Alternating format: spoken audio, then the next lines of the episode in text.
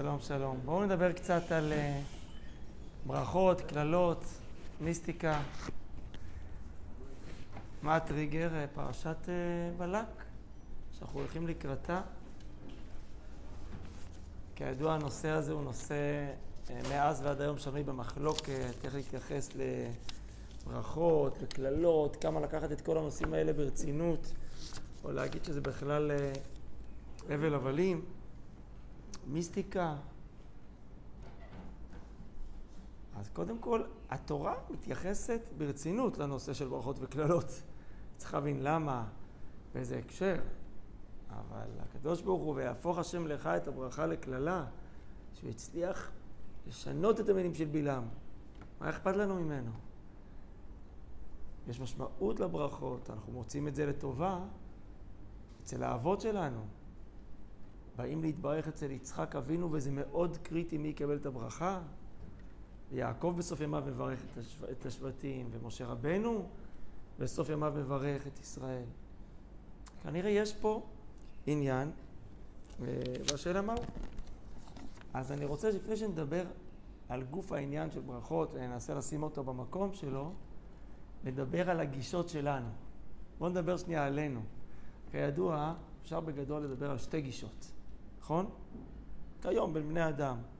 יש כאלה שהנושא של ברכות והליכה לצדיקים היא משמעותית להם. הם כל שנה, כל שנה או כל כמה חודשים הם ילכו לבקר אצל מישהו, הם יתקשרו, הם מאוד ירצו ברכה. ויש כאלה, כדוגמה זה, שאומרים, תשמע, אני לא, אני פחות בעניין הזה, פחות רואה בזה טעם, אני... אני מתפלל, אני פונה לריבונו של עולם יש לי בעיה, אני מאמין בדרך של עמל, ואם יש משהו, איזה אתגר, אז צריך להתאמץ עליו, וצריך לקבל דברים באהבה, ומשהו יותר רציונלי, ופחות מהדברים האלה, וזה שתי גישות. אני רוצה להגיד משהו עקרוני, שאני חושב שהוא הוא, הוא עיקרון חשוב בעולם היהודי. אני למדתי את זה כמובן מתורתו של מרן הרב קוק, שהוא קורא לזה המבט הכללי על דברים. תראו, בדרך כלל הנטייה של כל בן אדם זה להצדיק את העמדה שהוא רגיל אליה ולהסביר למה העמדה השנייה היא לא רצינית. כלומר, למשל אדם שהוא לא בקטע של ללכת לצדיקים בברכות, אומר, תקשיב, זה מיסטיקה והכל שמה זה, זה מסחרה של כסף, ויש המון רמאויות. לא, לא שאין בעיות כאלה. רוב הכלרים הם בספק גדול. אני מדבר על צדיקים חיים אפילו.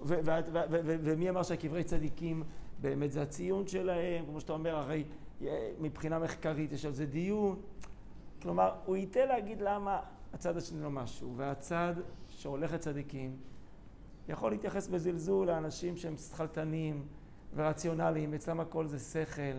והם לא יכולים לתת אמון פשוט, ויגיד יש להם גאווה, הם לא, הם, הם לא, פשוט לא יכולים לבוא ולהרגיש כפופים למישהו, להרגיש ענווה. כל אחד יראה את, את, אה, את החסרונות של השני. אגב, אלה שהם נגד ברכות יגידו, אדם חלש, הולך לברכות, כי הוא, הוא צריך שמישהו אחר יחליט לו על החיים. מה עם עצמאות? טוב, אני לא נרחיב בטענות, אבל אני חושב שבטבע של האדם הוא רוצה להצדיק את עצמו ולהבין למה הוא עושה נכון. והוא שולל את השני, ואני חושב שמה שהתורה מלמדת אותנו זה להסתכל על הדברים במבט כללי. זאת אומרת, לצאת שנייה מעצמי, אגב, לא משנה אני, יוני, מה אני חושב בנושא, לצאת מעצמי ולהגיד, אם יש תופעה גדולה כזאת, ותופעה גדולה כזאת, ויש צדיקי אמת שהם ישרים והם לא עובדים עם כסף.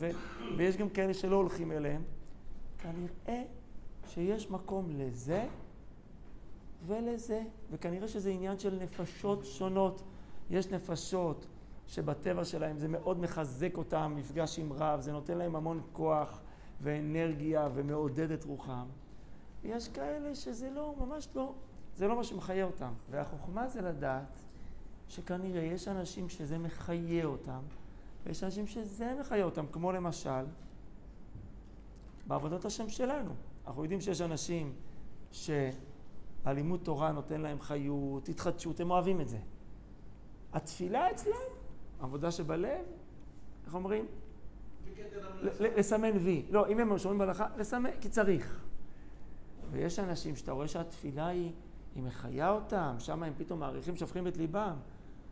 ולימוד תורה, כן, לומדים, כי צריך ללמוד, אבל זה לא בדיוק החוזקה שלהם. יש לנו חוזקות שונות, ואפשר לתת את זה, לתת את זה הרבה דוגמאות, שאין פה כל כך מה נכון, אלא מה אני, מה מחיה אותי. יש אנשים שלימוד למדני יחיה אותם, יש אנשים שסיפור ייגע בהם הרבה יותר וישנה אותם. אז מה נכון? כל אחד צריך לראות מה מחזק אותו ומוסיף לו יראת שמיים. ולשמור כמובן על כל התורה. כן, אף אחד לא פטור, אבל איפה לשים את הזרקור? כנראה שזו האמת. אני רוצה לטעון שכבר בחז"ל רואים שהיה את הפוסק ואת האדמו"ר. אתם יודעים מה ההבדל בין פוסק לאדמו"ר? זה לא שפוסק הוא לא צדיק, אבל הדגש שלו זה בלימוד, בהלכה, בפסיקה. האדמו"ר אמור להיות גם תלמיד חכם, יושב ולומד הרבה, אני מכיר כמה אדמו"רים תלמידי חכמים רציניים, אבל זה לא הדגש, באים ממנו לקבל עצה, הוא מנהיג. עכשיו, הגמרא בברכות ל"ד מספרת על רבי חנינא בן דוסה שהלך ללמוד תורה אצל רבן יוחנן בן זכאי. הוא נעשה נשיא ישראל, רבן יוחנן היה ראש הסנהדרין, גדול הדור. עכשיו רבי חנינא, שכידוע היה לו כוח חזק של תפילה וצדיקות, הוא הלך ללמוד אצל רבי יוחנן. אז זה תלמיד ורב. וחלה בנו של רבי יוחנן, אז אמר לו חנינא בני, בקש עליו רחמים שיחיה. הניח ראשו בין ברכיו וביקש עליו רחמים וחיה. הרב מבקש מהתלמיד רבי חנינא שיתפלל והתפילה פועלת והוא הבריא.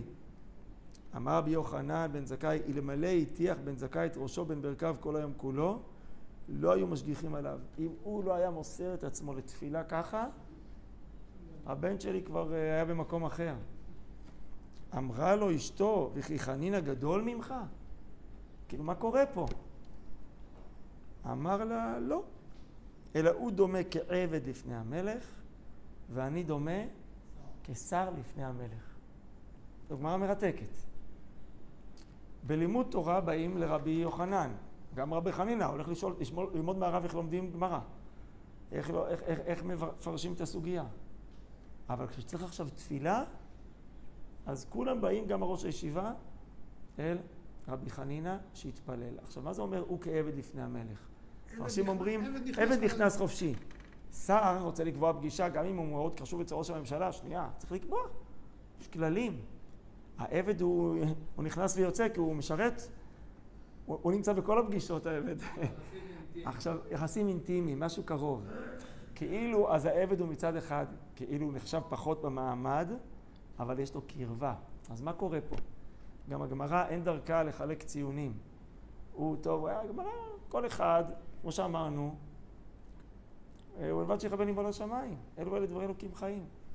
אז מסביר מרן הרב קוק בעין היה שם, הוא אומר, יש אנשים שעבודת השם שלהם, מרכזה נמצא בעבודה שכלית, רציונלית, וזה תלמידי חכמים, וזה כוח אדיר, כי בסוף, מה מנהיג את עולם התורה? איך תחליט מה נכון, מה לא, מה מותר, מה אסור? לא הרגש, אלא באמת הלימוד. מצד שני, יש אנשים שיש להם חוזקה מאוד גדולה בעבודת הלב, הרגש, שהיא כמובן מחוברת אל התפילה. תפילה אומנם יש שם מילים שצריך להבין אותם, אבל בתפילה עצמה אתה בא ומעורר את עולם הרצון. ויש אנשים שזה מאוד חזק אצלם. אומר הרב קוק, עולם הרגש, גם אם הוא לא המנהיג, הוא לא המלך, אבל הוא בפועל משפיע על כל ההתנהגות שלנו. אנחנו מושפעים מאוד מהרגשות שלנו, הרבה פעמים יותר ממה, ממה שהשכל אומר לנו. מושפעים.